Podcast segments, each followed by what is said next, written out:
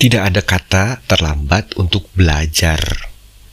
Selagi hayat dikandung badan, perubahan demi perubahan selalu mungkin dapat terjadi. Adalah anugerah Allah bahwa sebagai manusia kita cakap dalam beradaptasi. Apa yang kita cermati dan cerna dalam berbagai peristiwa yang kita alami dapat kita kelola demi suasana kehidupan yang lebih baik. Menolak pembelajaran sama saja menolak berbagai kemungkinan baik yang berlimpah di alam semesta. Kitab suci kita kaya dengan pengajaran suci.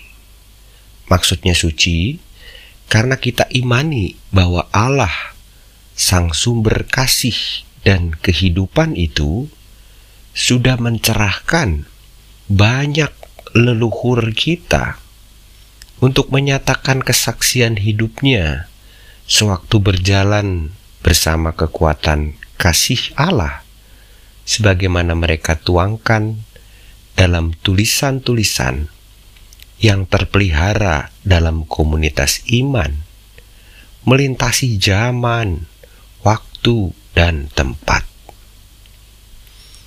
Pengajaran dari Allah membimbing kita semakin peka, memiliki orientasi yang sehat dalam hidup. Apa yang kita jalankan dalam hidup ada dalam bimbingan dan nasihatnya yang membawa pada kehidupan.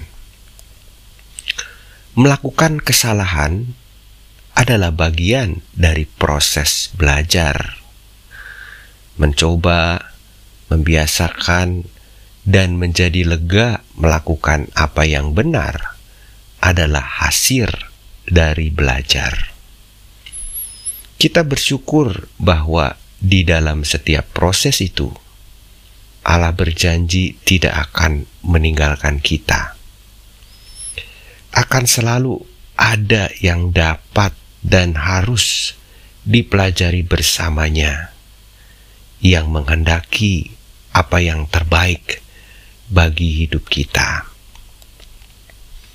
Sapaan kali ini terinspirasi dari Mazmur pasal 32 ayat 8.